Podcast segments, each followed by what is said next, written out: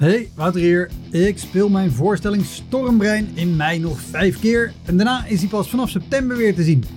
Op 2 mei speel ik hem in de Rijswijkse Schouwburg. Op 10 mei in de stad Schouwburg in Utrecht. 17 mei in het Toon Hermans Theater in Sittard. 25 mei in de Wiese in Schalkwijk. En 29 mei in het Stadstheater in Zoetermeer. Eind mei maak ik mijn nieuwe speellijst bekend, inclusief een te gekke show in de zomer. Meld je via elektropodcast.nl of woutermonde.nl aan voor mijn nieuwsbrief. Dan weet je als eerste waar en wanneer ik te zien ben. Sowieso is dat handig, want dan krijg je elke maand één mail met erin een overzicht van alle podcastgasten, de columns die ik die maand heb gedaan en alle shows die er in de maand erop gaan komen. Welkom, mijn naam is Wouter Monde. Dit is de Elektra Podcast. Een podcast waarin ik met collega's herinneringen ophaal aan shows die ze liever waren vergeten. Genoemd naar het roemruchte jongerencentrum Elektra in Sliedrecht, dat ooit bekend stond als de comedy hell.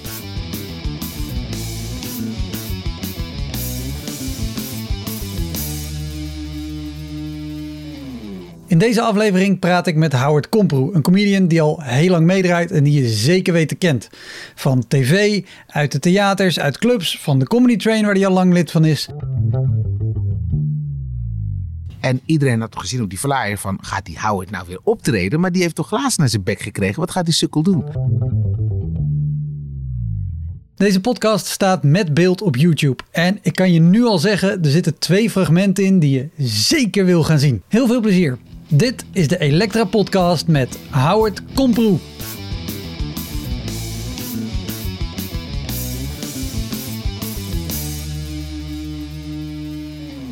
Ik begin vaak met de vraag wanneer ben je begonnen? Uh, omdat vaak heel veel rampengigs in het begin van je carrière zitten.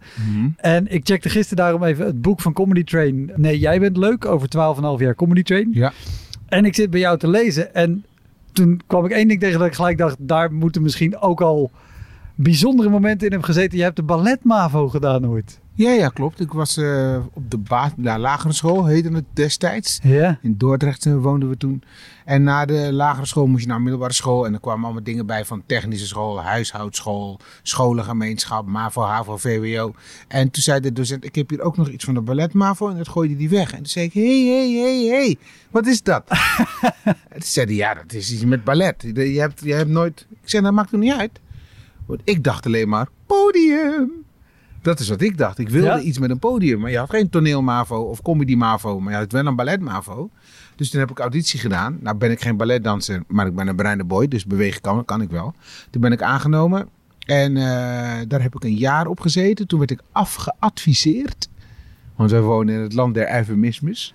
Dus ik mocht wel blijven, maar dan zouden ze me geen aandacht meer geven. Want het blijkt niet echt een klassiek balletdanser te zijn. En dat was toch wel de hoofdmoot. Hmm. Jazz, modern, tap, folklore, ik kon het allemaal wel.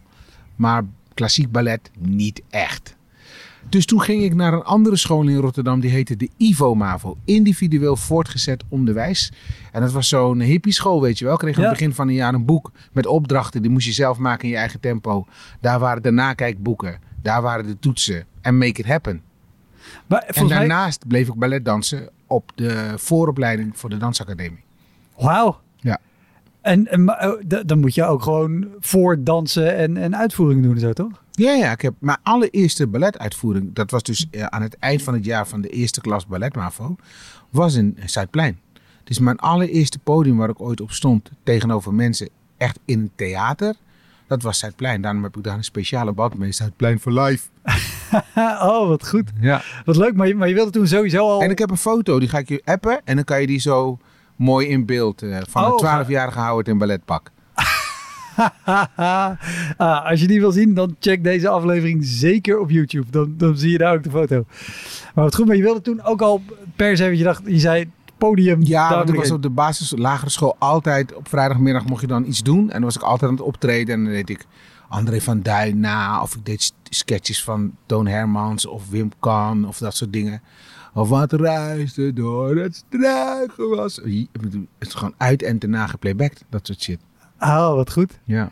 En eh, toen kwam je daarvan af. Hoe, of, of- nee, laat ik het anders zeggen. Wanneer, wanneer ben je andere dingen op een podium gaan doen dan... nou, eigenlijk simultaan, want ik begon toen ook op Jeugdtheater Hofplein in Rotterdam.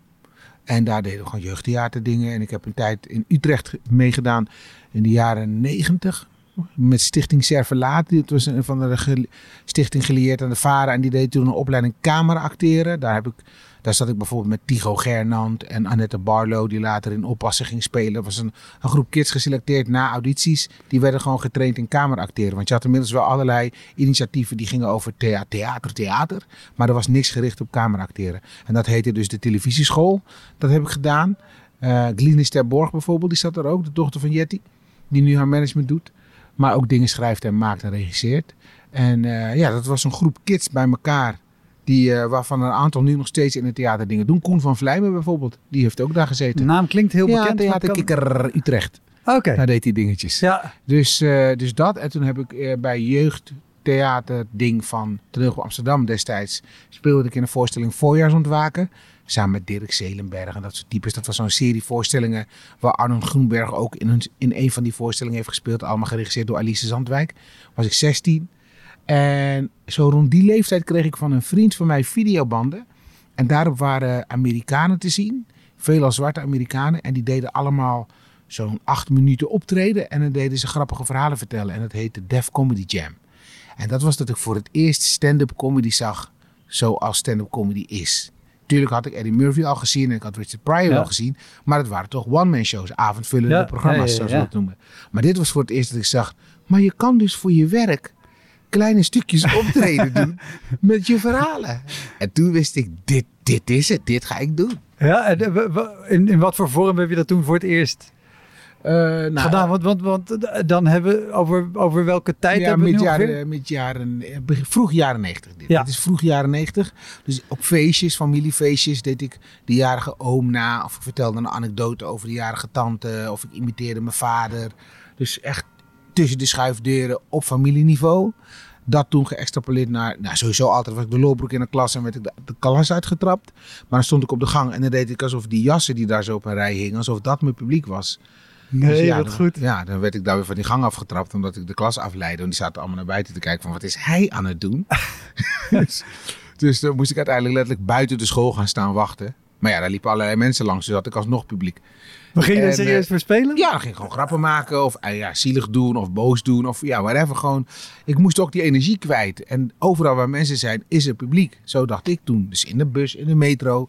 Ik was altijd bezig met het zoeken van die aandacht. En Ja. eh, nou ja, daarnaast kon ik mijn ei wel kwijt bij ballet en jeugdtheater. En bij televisieschool. En bij Toneel Amsterdam, waar ik dus speelde in voorjaarsontwaken. En toen ik dus dit zag, toen dacht ik, oké, maar dit wil ik echt gaan doen. En toen woonde ik inmiddels in Amsterdam. En je had hier dat R&B feestencircuit. En daar ben ik begonnen met optreden. Op parties. Ja, want dat, dat heb ik inderdaad ook wel eens gelezen, volgens mij ook in, relatie tot de, tot de Comedy Train.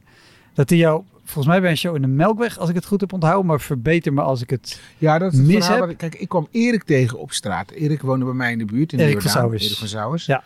En ik had toen net, je had toen net zo'n nieuw nieuwsprogramma. En daar was een, eh, een opname van Comedy Train. Die hadden een nieuwe locatie, Toemler. En dan liet ze een fragment zien. Maar dat was Mark Scheepmaker, onze legendarische stotterende comedian. Ja. Maar dat fragment was ook verkeerd geknipt. Dus wanneer ze op hem moesten zijn, waren ze op het publiek en andersom. Want in die tijd waren mensen helemaal niet op de hoogte hoe je comedy nou goed in beeld moet brengen. Dus dat, dat, en dat was een nieuw nieuwsprogramma, Nova. Dat was een van hun eerste uitzendingen. Oh, ja. En, en ik zag dat en ik denk, dit doen ze niet goed. Dus ik kwam Erik van Sauwers tegen in de supermarkt. Ik zeg, jij hoort toch bij Comedy Train? Hij zegt, ja. Ik zeg, jullie zijn echt niet goed. Ik heb het gezien op tv. Was gewoon niet goed. Dus hij kijkt maar van, wat? Zeg, ja, misschien moeten jullie eens bij mij komen kijken. Dan zie je hoe het ook kan. Ik moet binnenkort in de Melkweg optreden op een hiphopfeest. Heet Baseline. Kom vooral kijken. En dan... eh, Dat is het verhaal. Oh, wat goed. dus Erik die kwam na hun show met, ik geloof zelfs Tanja Jes, die toen nog achter de bar werkte bij Comedy Train. En nog wat mensen, kwam hij kijken in de Melkweg. En destijds had je nog dat er eh, gerookt mocht worden en ze dronk gewoon bier uit glazen. En voor dat feest, Baseline, was er een achtig concert geweest. En er was nog van dat soort publiek aan de bar. En ik moest volgens het draaiboek op. En het hiphop publiek was er nog niet, want die komen een beetje laat, want dat is tof. Mijn vriendinnetje was er en wat scharrels. Nou goed, er, was, er waren niet veel mensen. En toen, maar ik moest wel op en ik maakte nog fouten. Ik, ik deed toen nog comedy in, in personage. een beetje verkleed in jaren 70 stijl. Met chef muziek opkomen en zo. Omdat mijn set daar een beetje over ging. Over oldschool pappies. Nu weet ik, je moet... Ja, dat weten we. Comedy is een van de meest eerlijke podium moet als jezelf die zijn, is. ja. Ja. maar ik maakte toen nog beginnerfoutjes. Dus ik kom op met die muziek. Weet je wel, de team from Chef. En ik kom op in die outfit. En nou, een paar mensen zo. en ik begin aan mijn grappen. Maar ja, er is geen, geen publiek. Dus dat valt gewoon niet. En aan de bar zit zo'n dronken gast. En die roept, hey James Brown, hey James Brown. Ik denk, oh, daar gaan we weer hoor. Die een witte guy, die ziet een, een zwarte guy. En die is, het is gewoon zijn eerste referentiekaart. Dan moet hij dan gaan schreeuwen. Dus Ja. ik zeg, jezus, hé bek man. Dus ik doorgaan. En ondertussen druppelt er wat publiek binnen. En die, die guy die is me gewoon echt wel aan het hekkelen. En ik, ik voel aan alles, ik moet nu, ik moet nu iets doen. Want anders, Ja. anders gaat mijn gig kapot. En dan ga ik de boeken in als die sukkel die zich heeft laten hekkelen door een raar gast. Dus ik roep op een gegeven moment, wat is jouw probleem? Hij zegt, ja, je bent gewoon niet grappig. En die paar mensen die er waren deden, oh nee, fire, wajo. Dus ik moest mijn ass redden. En zoals dat gaat, dat zul je wel herkennen. Soms komt er iets uit je en je weet niet waar het vandaan Ja. komt. Dus ik zeg tegen hem, dan ga je naar het toilet. En dan kijk je in de spiegel naar de grap van je ouders. Leuke impro. Ja. Hij sloeg zijn glas kapot, kwam op het podium gerend. Uitsmijten van links, uitsmijten van rechts, op me afgerend. Tillen me onder mijn oksel op. Ik met van die maaiende Jerry, weet het, de Tom en Jerry benen. laat me los, laat me los. Die gas wordt tegengehouden. En terwijl ik word weggebracht, denk ik, kut. Erik van Sauer zou komen kijken. Dus ik draai me om. Ik draai me om om te zien of ik hem kan zien. En ik zie Erik in de hoek. Met die karakteristieke kop van hem. Die kwam niet meer bij. Dus die was drie minuten later in mijn kleedkamer. Met tranen in zijn ogen. Hij zegt, nou, ik weet niet wie je bent. Ik weet niet wat je doet. Maar je bent sowieso aangenomen. Oh, wat En fantastisch. zo ben ik bij Comedy Train gekomen. Oh, wat goed. Het verhaal is veel mooier dan dat ik het ooit ergens gelezen heb. Dank je, dank je. Oh, want ik wilde, daar, daarom, daarom vroeg ik ernaar. Want ik wist dat jij op, op feesten en zo speelde. Ja, dat dacht, was in die periode daarvoor. Maar, maar hoe, hoe is het om op dat soort feesten te, te spelen waar mensen volgens mij vooral komen om gewoon te dansen en een leuke avond te hebben? Ja, het is een beetje dubbel. Want in die tijd was dat ook de plek waar dance crews hun dingen deden. En rappers kwamen optreden, zangers. Er waren altijd wel danseressen. Je had toen nog een stripperboy, die heette Black en Lekker. En die kwam op met een of ander trommeltje en er zat een sponsje in. Lekker, lekker. Ja, zo heette die echt. En die ging dan strippen, Black en Lekker. Die ging heel wat zijn ding doen. En er waren altijd dansmariekes en shit, weet je wel. Dus dat, in die scene was het niet ongebruikelijk dat er optredens waren gedurende de avond. Ja, ah. Maar een comedian, een dude die gewoon 10, 12 minuten... Wat is er voor herrie? Het is hier één stille buurt normaal gesproken. En nou is het ineens herrie. Ja, Ehm, ik schrijf hem ook iets dichterbij. ja, prima. Eh, en nou was er ineens een dude, die, eh, was er ineens een dude die ging optreden met grapjes. Dat waren mensen helemaal niet gewend. En die jongen die dat feest organiseerde, Foxer, rest in peace, want we weten niet waar hij is. Die, eh, daar ben ik toen naartoe gelopen toen hij weer eens liep te flyer op donderdagavond koopavond. En ik zei, ja, ik ben Howard. Hij zei, ik weet toch wie je bent? Ik zeg, maar ik ben ook comedian. Kan ik optreden? Hij zei, ja, maar ja, ik, ik weet niet wat dat is, wat je gaat doen. Ik zei, maar je kent toch Def Comedy Jams? Dat doe ik. Maar dan, in- weet je wel? Hij zei, ja, Weet je wat, doe het gewoon. Ik heb geen money, maar doe het gewoon. We kijken hoe het loopt. En na mijn eerste gig gaf hij me 250 gulden. Dus dat was echt heel tof. Ja, nice. Bij mijn tweede gig in de Melkweg, toen is het misgegaan. En de beelden staan op YouTube. Ik zal ze even opzoeken en dan kan ik ze die ook eh, met je delen. Ik ben bezig, ik kom op, ik was nog jong, ik had een afropruik op, ik was nog slank zelfs. Als ik de beelden zie, denk ik, god damn boy, you look fine. ik had een of andere blije blouse aan en eh, ik sta mijn grappen te doen. En in die tijd, ja, het is, het is je begin, hè. Dus net de beginnende band bij Ja. covers aan het spelen. Niet dat ik andermans materiaal deed, maar ik hield het wel heel basic. Dus ik deed alle accentjes die voorkwamen en zo. En eh, ik doe het Afrikaans accent, Surinaams accent. Op een gegeven moment doe ik het Antilliaans accent. En in één keer is mijn microfoon uit. Bleek dat iemand dus een glas had gegooid. En die boys die zitten op honkbal, hoog niveau, hoog niveau, Antillianen. Dus die had gewoon met zijn glas van flinke afstand de microfoon kapot gegooid. Die deed het gewoon niet meer. Maar hij had, had, had niet de microfoon in je hand geraakt, toch? Dat- Ja, ik had de microfoon in mijn hand. En die had hij geraakt met een glas. Holy shit. Ja, dus die, spet, die, die scherven spetterden alle kanten op. Er was meteen tumult in de zaal. Die presentatrice van dat feest kwam op. Zei, waarom moet het nou weer zo, jongens? Waarom moet het nou weer zo? en ik, je ziet mij echt kijken van, jezus, weet je wel? Ik wil gewoon lekker mijn gig doen. Maar er was echt een ding in de scene van, yo, die, ze hebben die komproe bekogeld. Omdat hij Antilliaans accent deed. En die boys waren daar gewoon niet blij mee. Hé hey meisje, waar woont je huis? Waar woont je huis? Huh? Mag ik je telefoonnummer bellen?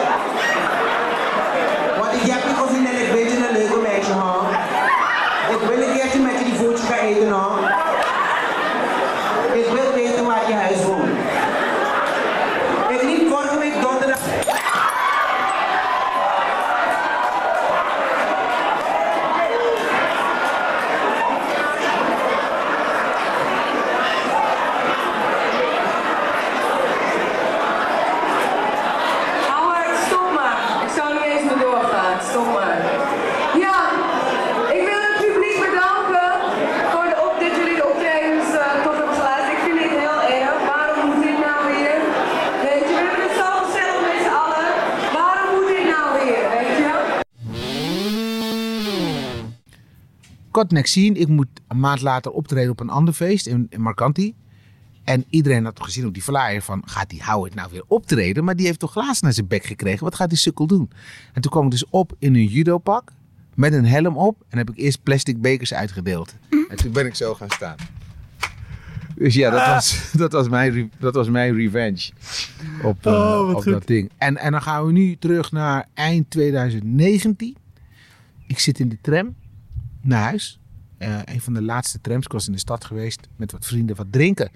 En eh, er stapt een eh, jongen in, een zwarte jongen, die gaat zitten. En hij kijkt me aan. We geven elkaar die hoofdknik.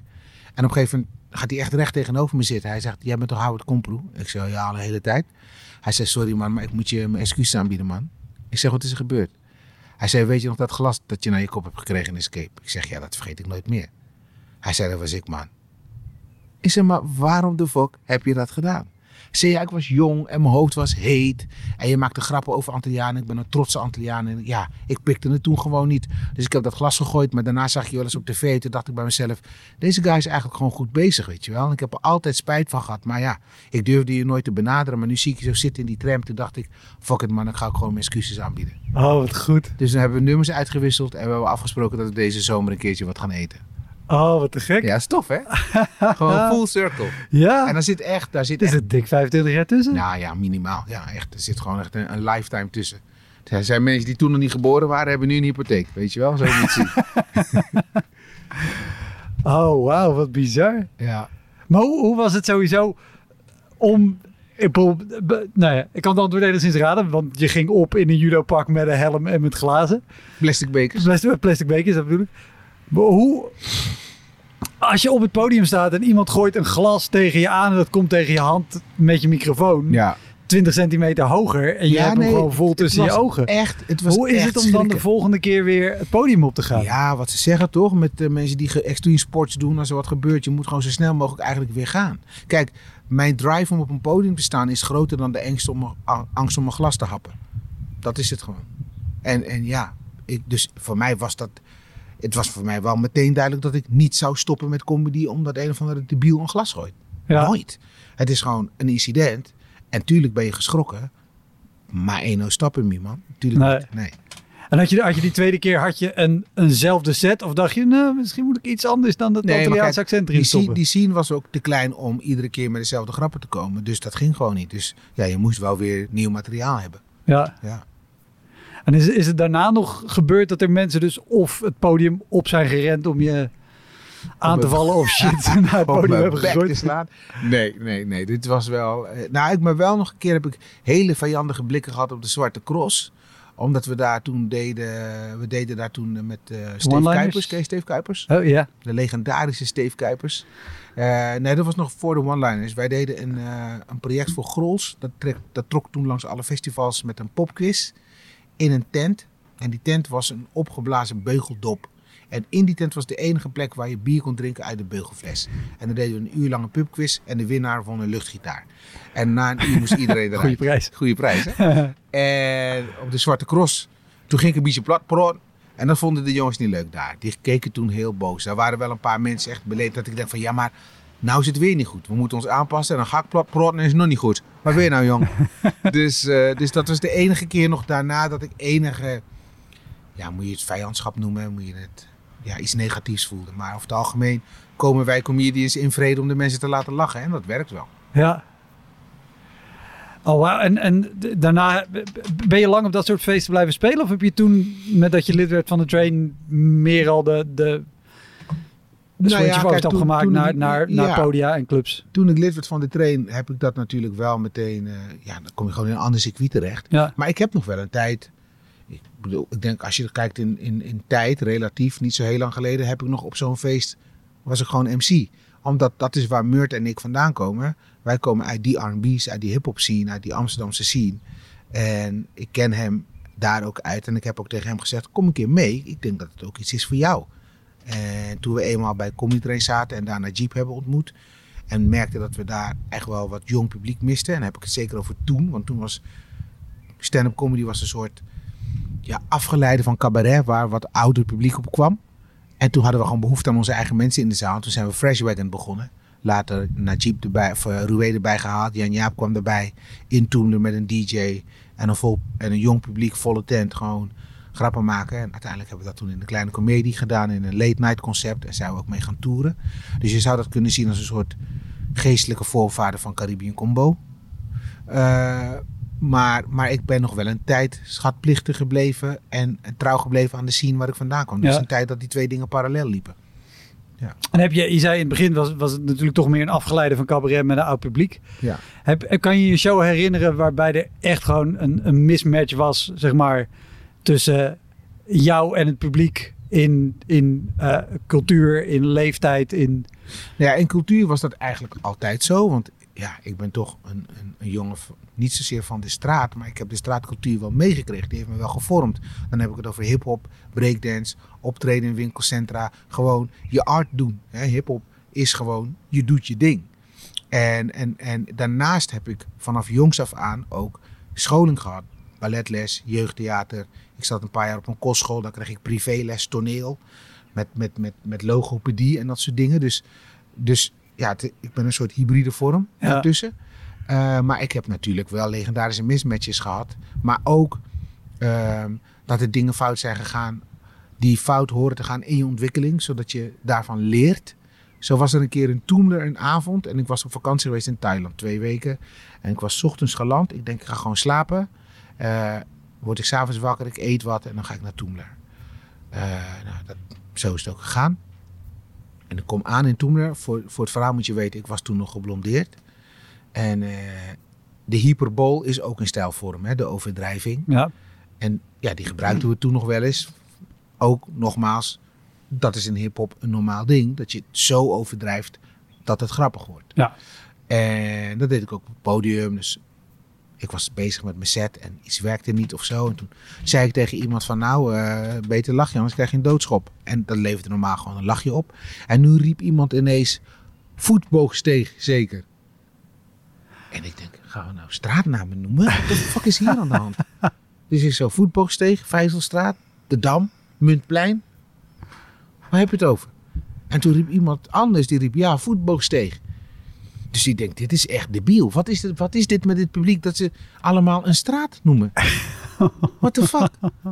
En het ging gewoon niet meer. Ja. Dus ik probeerde daarna terug te komen in mijn verhaal, maar het, het ging niet. Dus ik zei, nou ja, ik weet het niet. Blijkbaar hebben jullie er geen zin in. Dus ja, dan stopt het. En toen kwam ik achter waar de comedians staan. En daar hield iemand een telegraaf op. En daarop was te zien een donkere jongen. Met geblondeerd haar. Met een balkje boven zijn oog. En die had dus in de voetbox tegen iemand doodgeschopt. Maar ik wist het niet. Oh, shit. En ik ken het verhaal van de voetbalgestegen, maar ik wist niet dat de dader een donkere jongen met geblondeerd haar was. Oh, jezus. En ik En had jij gewoon, was twee weken in ik Thailand was twee geweest. weken in dus jij Thailand geweest. En ik heb niet AT5 gekeken voor ik naar het podium ging. Dus wat doe ik nu voordat ik op het podium ga? Al ben ik op het toilet geweest. Je checkt fucking AT5 of de krant in elk geval. Kijk, nu hebben we apps en zo. Ja. Hè, dus je kan gewoon nu.nl checken op de fiets daarheen. Maar dat was toen niet. Dus ja, dat heb ik wel geleerd. Dus ik zit gewoon bovenop die actualiteit als ik een tijdje weg ben geweest. Oh, echt een en hoe, hoe was de sfeer bij de, bij de MC of de com- comedian die na jou kwam dan? Nou, de MC Bas Grevelink, ja, die, die, die, dat is zo'n blije baby. Die Ja. zong weer een of ander liedje met de mensen en dan waren ze alweer kwijt. maar, maar ja, ik had wel zoiets van fucking, fucking, fucking fuck man. Hey, shit. Dit had ik gewoon moeten weten toch? Dit had Ja. ik gewoon moeten weten. Ik, waarom wist ik dit niet? En ik weet waarom ik het niet wist, maar ik baalde. Ik was er wel echt goed ziek van. Ja. Ja. Eh, je zei net even tussendoor, eh, zei je eh, optreden in winkelcentra, tuurlijk. Heb je shows in winkelcentra gedaan? Comedy shows bedoel ik? Nee, nee, nee. Ik Ah. refereerde toen aan de hip-hop periode. Waarbij je met een breakdance crew bij de slijterij lege, lege dozen ging halen. Met tape aan elkaar plakte. En dan ging je in het winkelcentrum breakdansen. Dus het fenomeen publiek, dat is nooit nieuw voor me geweest. Ja. Of beangstigend. Nee, oké. en, en, en gewoon gaan en je ding doen. Dat is ja, wat, iets wat uit de hip-hopcultuur komt. En wat Murt en ik altijd hebben meegenomen als we op het podium staan. Ja. Eh, in het begin zei je, op school ging je spelen voor de jassen op de gang. Mensen die buiten voorbij kwamen. Eh, dit voorbeeld is ook, weet je, gewoon... Als er publiek is, dan speel je. Wat, wat is de raarste of opmerkelijkste plek waar jij ooit echt gewoon comedy hebt gedaan? Vind het altijd zulke moeilijke vragen. Zo, zo van, wat is de raarste plek? Nou ja, of, of, eh, niet, niet per se raar, maar Ja, in een rijdende trein tijdens een of andere actie om jongeren over te halen om te gaan stemmen met Jan Pronk. De- de- Dat de- is toen eh, vanuit een of andere organisatie eh, opgezet. Een jongen die ik kende had dat gedaan, Maarten Dubois, rest in peace. Die had dat opgezet en ja, dan, dan moesten we in een rijdende trein optreden. Jan Pronk was daar. Ja. Maar eh, dat, ja, dat was wel een gekke plek om in een rijdende trein op te treden. En er kwam steeds nieuw publiek in, eh, in dat coupé. En daar deden we dan shows. Hoe...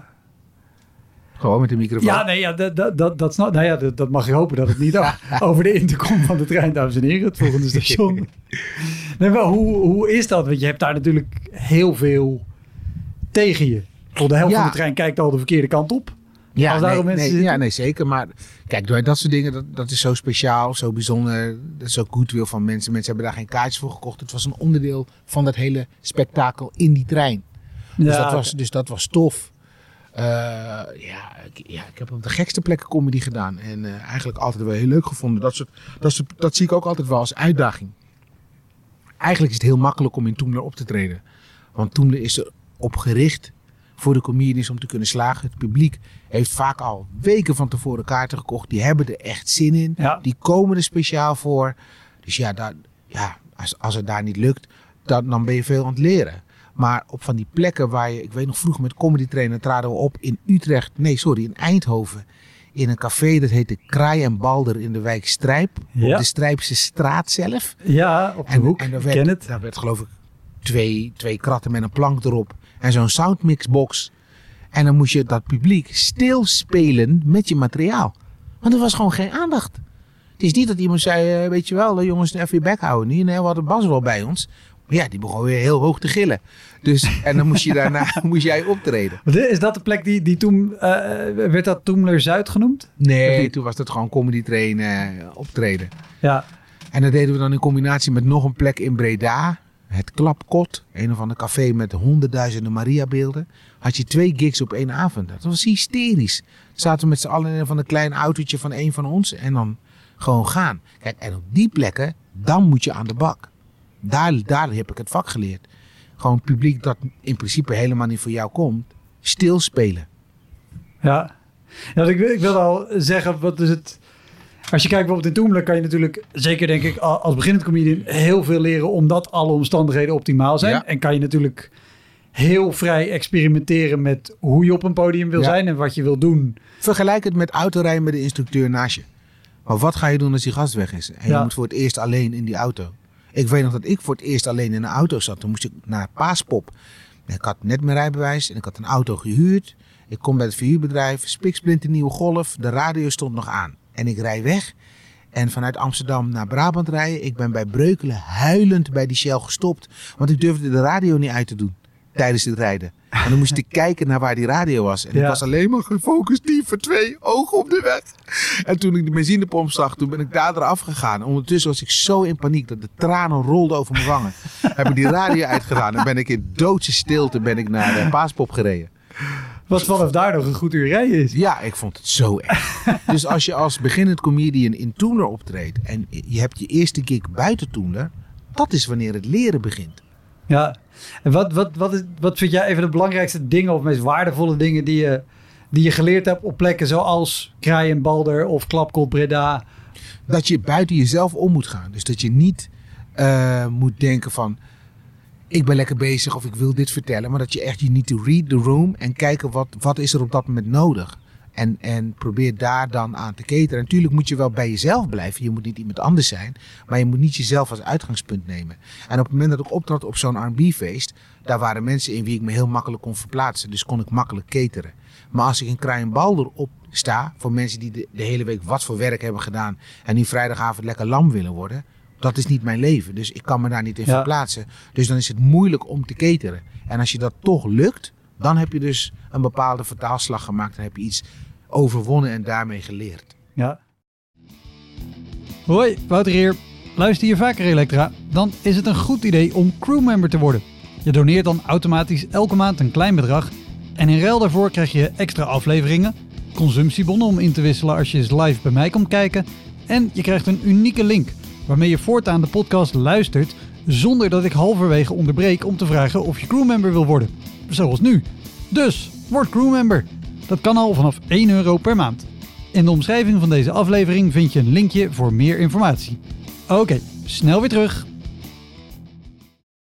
En deden jullie eh, eh, meer van dat soort shows zoals in uh, Klapkot en, en Ja, en La Comédie in Utrecht, wat tegenwoordig Fellini heet of zo. En van de Ja, Repetent. Fellini is, is een andere tent in Utrecht die niet meer bestaat. Maar eh, ja, iets. La Comedy, het, het, zit, het pand is nog altijd, het is Ja. nog altijd horecatent aan het Janskerkhof. Precies. En het is kortstondig inderdaad een, eh, Ja, een comedyclubje, het- eh, Ja, het was toen niet eens een comedyclub. Het was gewoon een horecalocatie. Die heette La Comedy. En daar deden we dan op maandag of dinsdag of zo deden we daar, eh, deden we daar gigs. Dus zo. ja, Ja. Ik, ik, heb er ooit, eh, nou, de stotteraar, kan niet op zijn naam komen. scheepmaker. Mark Scheepmaker Mariki.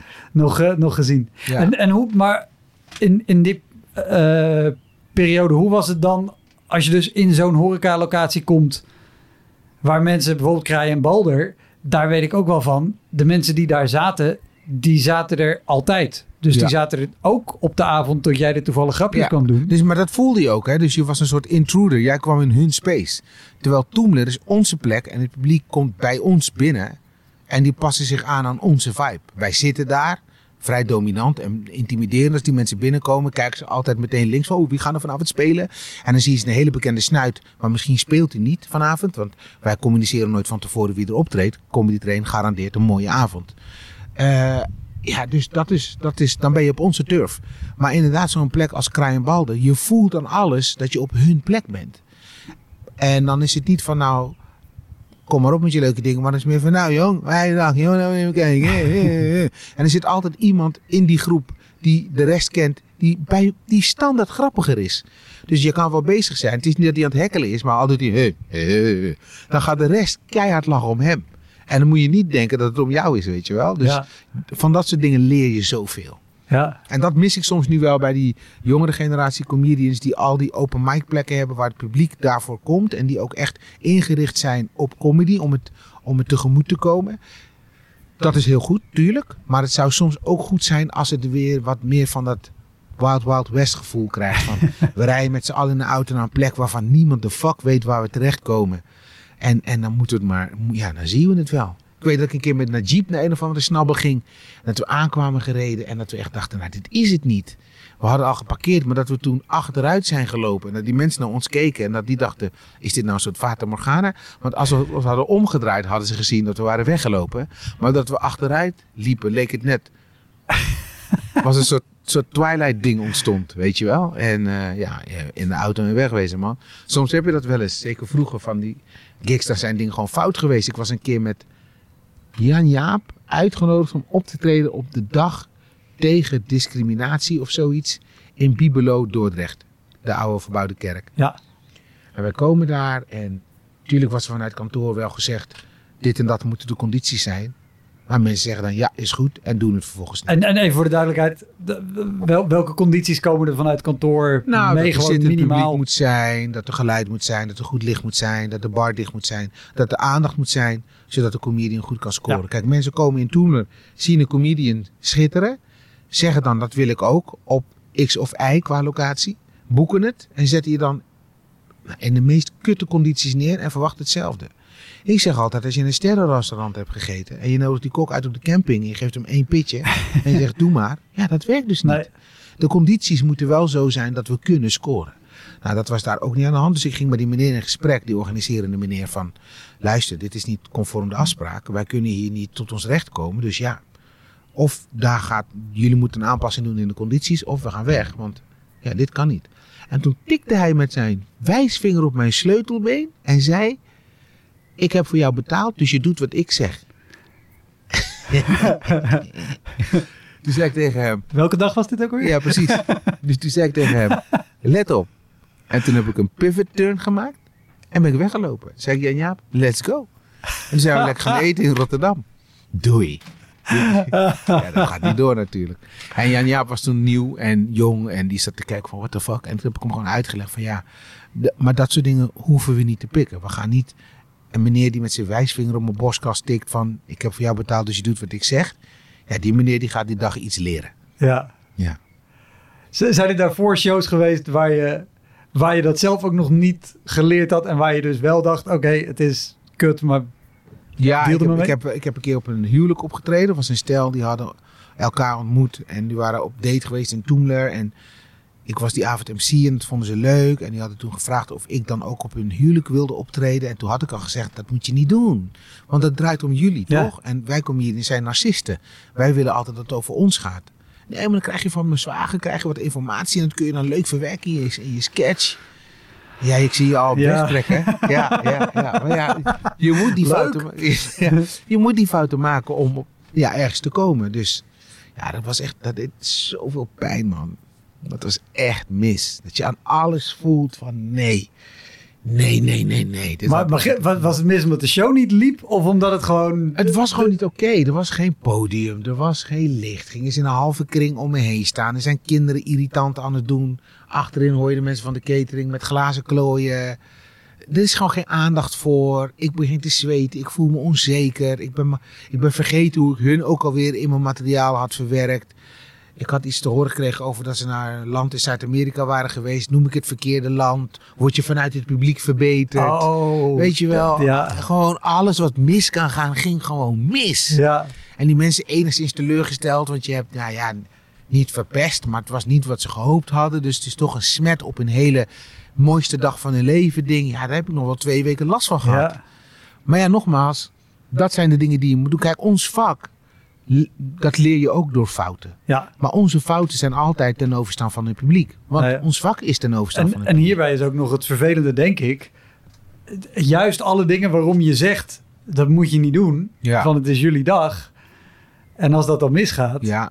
Ja. denk ik, ja, Ja, dat is wel soms een ding. Kijk, eh, je, je ontwikkelingsproces, als je een ander vak hebt, dat kun je gewoon lekker, hè, behind closed doors, kan je je ontwikkelingsproces doormaken.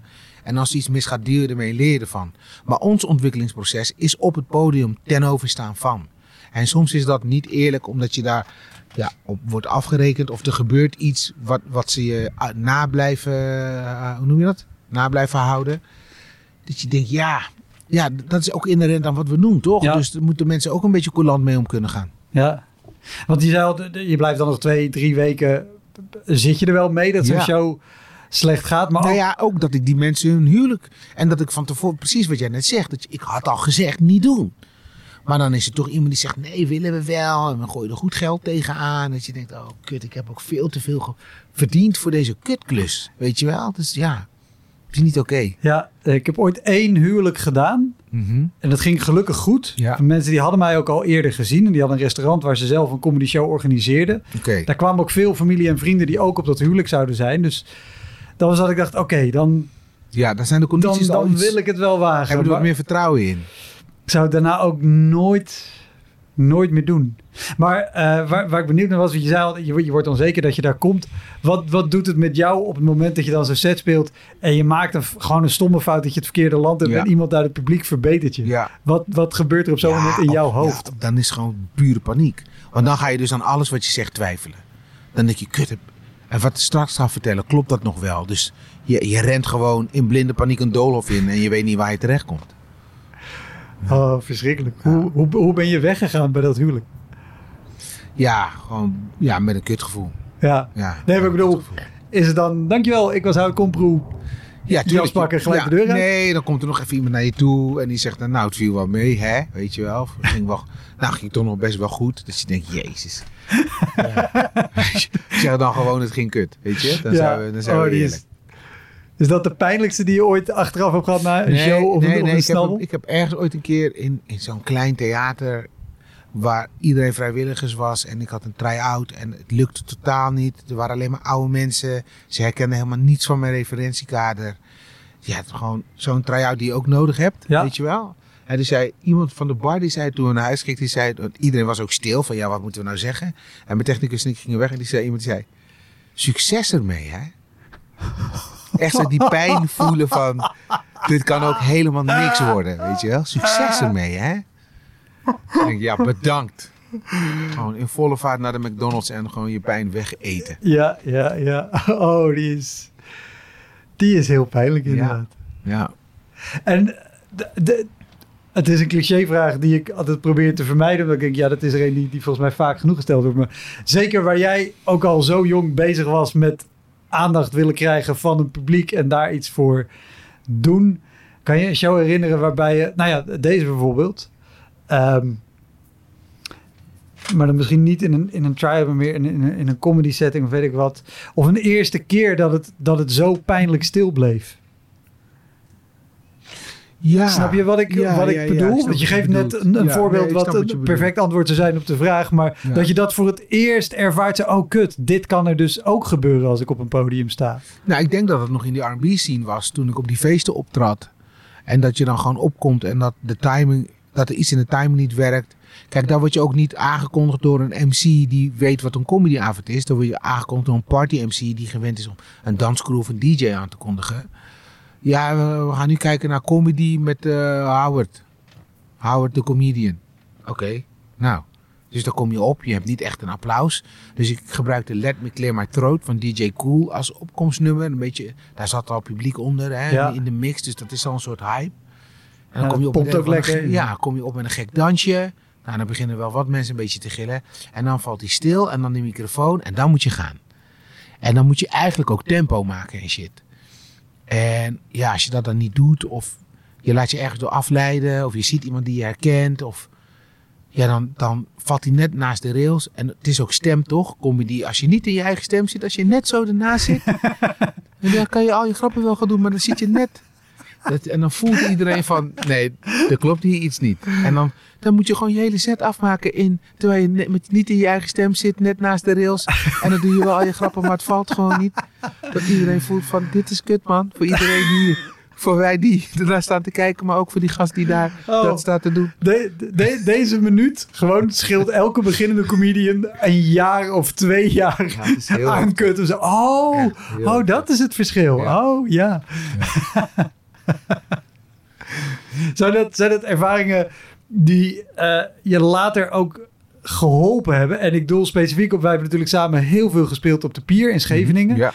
En eh, om dat even eh, te kaderen, dat was een comedy show op de bovenste verdieping van de pier. Daar zat 300 man, maar die zaten allemaal om je heen. Wij In een speelden cirkel. in een cirkel. Wij speelden op een podium met een, een, een diameter van zeg anderhalve meter. Mhm. En die mensen kwamen daar en voor de comedy, maar ook voor een, een ehm, op papier vier sterren diner, maar ook voor eh, Scheveningen, eh, ook voor de hele entourage, of omdat ze op vakantieveilingen goedkoop tickets hadden gekocht, Ja. of omdat ze daar met een bedrijf zaten. Ja, dat was natuurlijk ook zo. Kijk, daar die- hebben we hele heftige shows gedaan. 300 man, stampensvolle avonden, waarvan een deel van de mensen kaarten had gekocht, maar een deel was gewoon mee omdat het een bedrijfsding was. Dus dat is half gemotiveerd publiek, hè? gematigd enthousiasme. en dan eh, ja, veel meer mensen in je rug dan voor je, Ja, per definitie, want een ronde zaal. En al deze dingen, dus dat, dat wilde wat ik heb meegemaakt in die periode voor ik bij Comedy Train kwam, maar ook die Kraaien Balder avonden, dat alles is de basis waarop ik zo'n avond als MC toch uit de verf kan komen. Omdat ik die ervaringen heb. Dus weet hoe ik zo'n situatie moet masteren. ja. En dat is wel heel fijn. Want, eh, want daar ook, wat, wat me altijd opviel was inderdaad, jij was daar ook vaak MC. Maar dan kwam je dus ook op, terwijl mensen net goed en wel zaten. Die hadden misschien net een eerste drankje. Die zijn nog aan het aftasten met, oh, er is een band. En er zijn overal indrukken en heel veel prikkels. Maar heel veel rumoer. En de MC's kwamen daar, zeker volgens mij de, eerste periode, ook niet per se op met een hele duidelijke aankondiging of intro. De band stopte met spelen. En dan, Nee, precies. Dan moest en je oplopen en dan moest liep je je zelf maar een beetje hallo. Ja, Jij bleef er altijd heel kalm in en relaxed in tot iedereen aandacht had. ja. Eh, maar dat, waar ik naartoe wilde, dat is wel ook iets wat je ontwikkelt mede door... ja, dat is gewoon de legacy van al die ervaringen en al die jaren op de meest gekke plekken onder de meest bizarre omstandigheden gedwongen. Je, want dat is, als comedian is jouw ding. Je zegt mensen, ik ben het waard om naar te kijken en te luisteren. En dat moet je dan ook waarmaken. Ondanks de condities, ook al zijn ze tegen je. Ja, je moet toch knallen. En dat is wat ik meeneem als ik op het podium stap. Dus ik red me in principe eigenlijk altijd wel. Zeker nu ik het al meer dan 25 jaar doe. Dan moeten de condities wel heel slecht zijn, wil het niet lukken. En natuurlijk heb je wel eens een kutdag of een grap waar je niet genoeg over hebt nagedacht.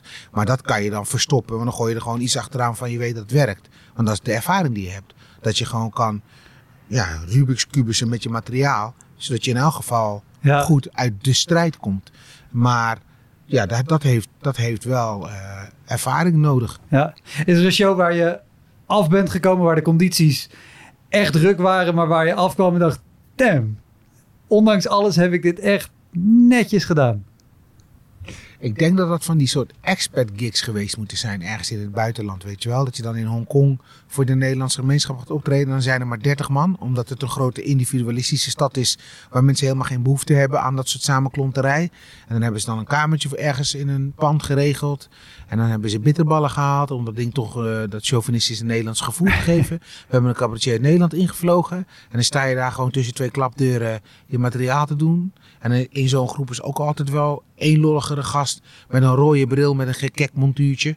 En, en, en die gaat je dan lopen hekkelen. En dan ben je in fucking Hongkong om je best te doen. En dan denk je, als je dan van het podium komt, van ja, dit heb ik uiteindelijk niet slecht gedaan. Het had, het had slechter kunnen aflopen.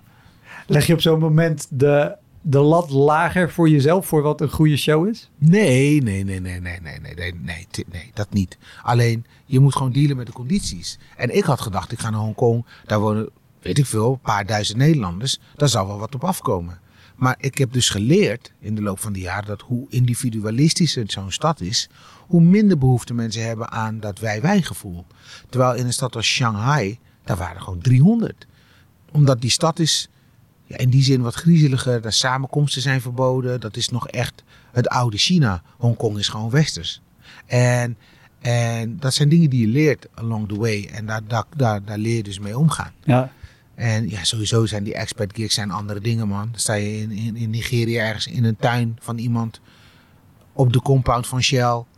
Waar ze met eh, 300 man op een pa- paar vierkante kilometer wonen met een hek eromheen. En dan kijken ze met een schotel naar Nederlandse televisie. Denk ik, ja, dat doen de Turken in Bosserom maar ook. Maar dan hebben we er ineens moeite mee, Ja. weet je wel. Terwijl het is heel menselijk om vast te willen houden aan waar je vandaan komt. En als ze dan aan die kinderen daar vragen, hebben jullie Nigeriaanse vriendjes? Zeggen ze, nee, want die hebben een andere cultuur. Ik zeg, nou, eh, ik heb misschien een spoiler voor je. Maar we zijn in Nigeria, dus zij zijn niet degene met een andere cultuur. Nee. Weet je wel? Dat is wel bijzonder. Maar hoe, hoe gaat zo'n show dan? Want dan nog even los van het feit dat het op zo'n compound is met een hek en weet ik wat. Daar heb je ook een, een ja, dat klinkt onaardig, maar er- zit een bepaald type werknemers. Ja. Eh, Die waarschijnlijk ook nog nou ja, half met een been daar in hun Shell of Nigeriaanse cultuur staan. En half met een been in een Nederlandse cultuur. Ja. Hoe, hoe werkt dat voor jou als comedian om daar een, een set omheen te bouwen? Nou ja, kijk, ik hoef jou niet uit te leggen dat je daar niet een speciale set voor moet gaan schrijven. Want dan ga je de mist in, want je Hmm. kent hun situatie niet voldoende. Je kan wel een paar dagen van tevoren daar zijn en je indrukken meenemen en die verwerken in je eerste deel. Maar daarna moet je gewoon naar je short shots. En moet je gewoon leveren. Dus dat is wat je doet. Ja. Ja. Eh, terugkomen nog op, op, op, eh, op de pier. Daar hadden we, hebben we ook shows gedaan. Ik weet er één te herinneren dat we, en ik weet niet of jij erbij was. Eh, maar er zat 300 man, waarvan 290 of 270 waren mensen van bedrijven. En slechts een stuk of 30 hadden gewoon echt een kaartje gekocht. Ja. Is de avond kan ik me ook nog wel Wat, herinneren. wat is de heftigste die jij daar... Volgens mij was het een van de bouwbedrijven met van die grote mannen die ook die meiden van de bediening tegen hun kont aan waren aan het tikken waren. En die hadden dan begrepen dat ze om. Want het, het had het gevoel van een all you can eat concept, maar dat was het natuurlijk niet. En dan was iets misgaan, want die gasten dachten dat ze onbeperkt konden suipen voor dat bedrag waarmee ze dat eten. Want mensen kochten eten, bla bla bla. Nou goed. Ja, dat was wel een wilde avond, man. Er zijn er wel echt wilde avonden geweest. Nou, of mensen die aan dezelfde tafel zaten en erachter kwamen dat ze echt dik prijsverschil hadden. Omdat de een had hem gewoon gekocht en de ander via een of andere veilingsite. Maar dan zaten ze gewoon aan dezelfde avond, dezelfde tafel van zo'n groot verschil. Dat dat stond een ruzie. Gewoon ruzie ter plekke. Ja, was wel goud. Eigenlijk was die setting daar al een comedy show op zich. Ja, Weet je wel, wat daar backstage en achter de schermen allemaal fout ging. En met die mensen die daar werkten. En ja, die, die- dat, dat conflict wat je hebt van wat is hier belangrijker? Het eten of de comedy? Ja, ik weet nog dat die jongen die dat dan organiseerde, die wilde het liefst dat alle comedians twee keer optraden. Terwijl wij allemaal weten, hier moet gewoon één keer optreden. Dan heb je je, je orgasme en dan ben je klaar. ja, Maar hij wilde iedereen twee keer laten optreden. En dat we strijd hebben gehad. Van nee, want het publiek gaat dan altijd je twee sets vergelijken. ja. Dus dan ben je tegen jezelf aan het vechten. Ja, want vind het zo leuk. Dat je denkt, nee pik, dat werkt zo niet. Dus als je dan ook nog iemand aan het roer hebt die niet luistert naar de expertise van de experts, ja, dan wordt het feest. Ja. Ja. Oh, ik weet het, in het begin deed ik inderdaad... Dan, we- twee comedians speelden een gewone set en één comedian deed een, een opgehakte set van twee keer 10 minuten. En die Ja. deed ik dan ook vaak. En dan was ik opener met 10 minuten. En dan aan het einde, voordat de laatste kwam, deed ik ook nog 10 minuten. Ja. En dan zei ja, maar dat is leuk. Dan, dan hebben mensen het gevoel dat, dat ze meer krijgen. Ik zei, ja, maar als ik de eerste keer goed ga, kan ik het de tweede keer nooit beter doen. Nee, precies. En als ik de eerste keer kut ga, denken ze de tweede keer, oh, heb je hem weer. heb je hem weer? Ja, Oh, dat was, ja eh, dat is heftig. Dat is heftig. dat, dat was heel heftig. Is er een show uit je recente of minder recente verleden waar je met alles wat je nu weet naar terug zou willen gaan? Omdat je denkt, fuck it, nu, nu weet ik wat ik moet doen om deze show wel Nou, te laten zijn zoals die moet zijn. ik, snap, ik snap je vraag, maar eigenlijk heb ik dat gevoel niet, man. Nee? Want, nee, want ik heb toen wat geleerd. En eh, dus, dus een avond waarbij het helemaal misging en alles naar de kloten. Daar heb ik gewoon wat geleerd. En dat klinkt nu misschien een beetje kumbaya, my lord, kampvuur. Maar dat heb ik echt. Dat gevoel heb ik Ja. echt. Want ik zou dan wel terug kunnen gaan en dan de tent rocken. Maar dat klopt niet. Want ik, ik kon de tent niet rocken omdat ik gewoon een bepaald... Ik was nog niet daar. Dat was nog niet Ja. wie ik was. Dus ja, ik heb dat allemaal nodig gehad om nu op een podium te kunnen doen wat ik nu op een podium doe. Ja. Dus dat voelt alsof ik er dan iets zou overslaan of zo. En dan komt het toch in je bek terug op een gegeven moment ergens. Ja. Dus nee man, ik, eh, ik snap je vraag, maar dat gevoel heb ik niet. Nee, nou, de- ik herken het wel. Want ik weet dat ik in het begin ook heel nadrukkelijk bezig was met kijken als ik een show had. Wat heb ik hiervan geleerd? En dat kan bij een kutshow dus ook zo zijn. Oké, als er een zaal vol grijze bollen zit te bridgen, dan moet ik misschien zeggen, laten we de show gewoon niet doen. Ja. eh, bij wijze van. Nou ja, of je materiaal komen via hun. Dus dat je niet gaat staan en maar begint te zenden. Maar dat je gesprekjes met ze aangaat. En kijkt van oké, maar waar kan ik dan in dat, uit dat gesprek iets halen. Dat de aanleiding vormt om dit verhaal te vertellen. Waardoor het live lijkt. Ja. Maar het ook live is. Weet je wel? Want ja, dat is toch wel. eh, dat, dat is ook een soort dilemma van. Zijn we nou cabaretiers of comedians? Ik noem mezelf liever comedian. Want ik ga geen- niet aan een piano een of ander zielig lied lopen zingen. Eh, ik wil gewoon in gesprek zijn met de mensen. En, en als ik de aanleiding om iets, te kan, om iets te vertellen op dat moment uit de zaal kan halen. Ja, dan dat is al beter dan dat ik opkom en ik press op play. Ja. Eh, heb je ooit een snabbel gedaan waar je bij wegging of op terugkijkt dat je denkt, oh, het geld was goed, maar, ja, ja, tuurlijk. maar ik, voel, ik heb hem wel ik heb een klein beetje overgegeven in mijn ga, mond. ik ga iets langer douchen vanavond. ja, nee, dat is snabbels, tuurlijk. Maar ja, dat is waar ze voor zijn, toch? Ja. Bedoel, Nou ja, daarom zijn Ja. het snabbels en Ja. daarom en daarom ligt de gage ook eh, eh, beduidend hoger. Ja, ja, ja. Maar, eh, Heb, heb, je, heb je een voorbeeld van, van, van een snabbel die echt Nou, weet je, weet, je wat, weet je wat ik moeilijke snabbels vind? Eh, als Toemler op een zondag of een maandag verhuurd is aan een bedrijf. En ik kom dan Toemler binnen en die mensen doen alsof het hun plek is. Want ze hebben ervoor betaald. Weet je wel, ik, ik, kom al 25 jaar op die plek. Dat is echt een lifetime. En dan kom je dan Toemler binnen en dan sta je in de weg of zo. En dan tegen de tijd dat je het podium oploopt, dan zie je mensen een beetje een soort half aandacht hebben. En hebben ze misschien al iets te veel gedronken. Ik vind dat soms wel lastig. Maar dat komt omdat het bij mij thuis gebeurt. Ja, Als ik externe snabbel heb en ja, dingen gaan naar de kloten. Ja, ja, het is ook vervelend. Maar dan heb ik de troep niet in mijn eigen huis. is ook lekker. Ja. Eh, mi- missen we nu nog een, een, optreden dat je zegt, ah, dit is echt een, een klassieker. Nee, ik, we, hebben, we hebben die, eh, dat glas naar mijn hoofd. We hebben die keer dat zo misging in Toemler. Eh, nee. Mocht het zo zijn, weet ik je te vinden waar. Doe het gewoon nog een keer. Dat is helemaal goed man, dankjewel. Jij bedankt. Dat was hem, de Elektra Podcast. Meer informatie over mijn gast van vandaag en linkjes naar van alles en nog wat vind je in de omschrijving van deze aflevering. Er staan ongelooflijk veel afleveringen online van Elektra. En op elektrapodcast.nl kan je makkelijk zoeken op de naam van jouw favoriete comedians en cabaretiers. Je kan daar ook eenmalig doneren of crewmember worden. Als crewmember betaal je maandelijks een klein bedrag, maar dan krijg je ook nog eens bonusmateriaal. Je luistert voortaan zonder onderbrekingen en je krijgt consumptiebonnen die je kan inleveren bij een show van mij. Ik vind het sowieso te gek als je een keer komt kijken bij mij. Dus ga naar woutermonde.nl, daar zie je precies waar en wanneer ik optreed. Of meld je aan voor de nieuwsbrief, dan hou ik je op die manier op de hoogte. En dan nog iets, elke vrijdagmorgen doe ik een column op radiostation Kink. Je kan die column terugluisteren als podcast. Hij heet Kink op de Week en je vindt hem in de app waar je ook deze podcast luistert. Oké, tot de volgende Elektra. Hoi!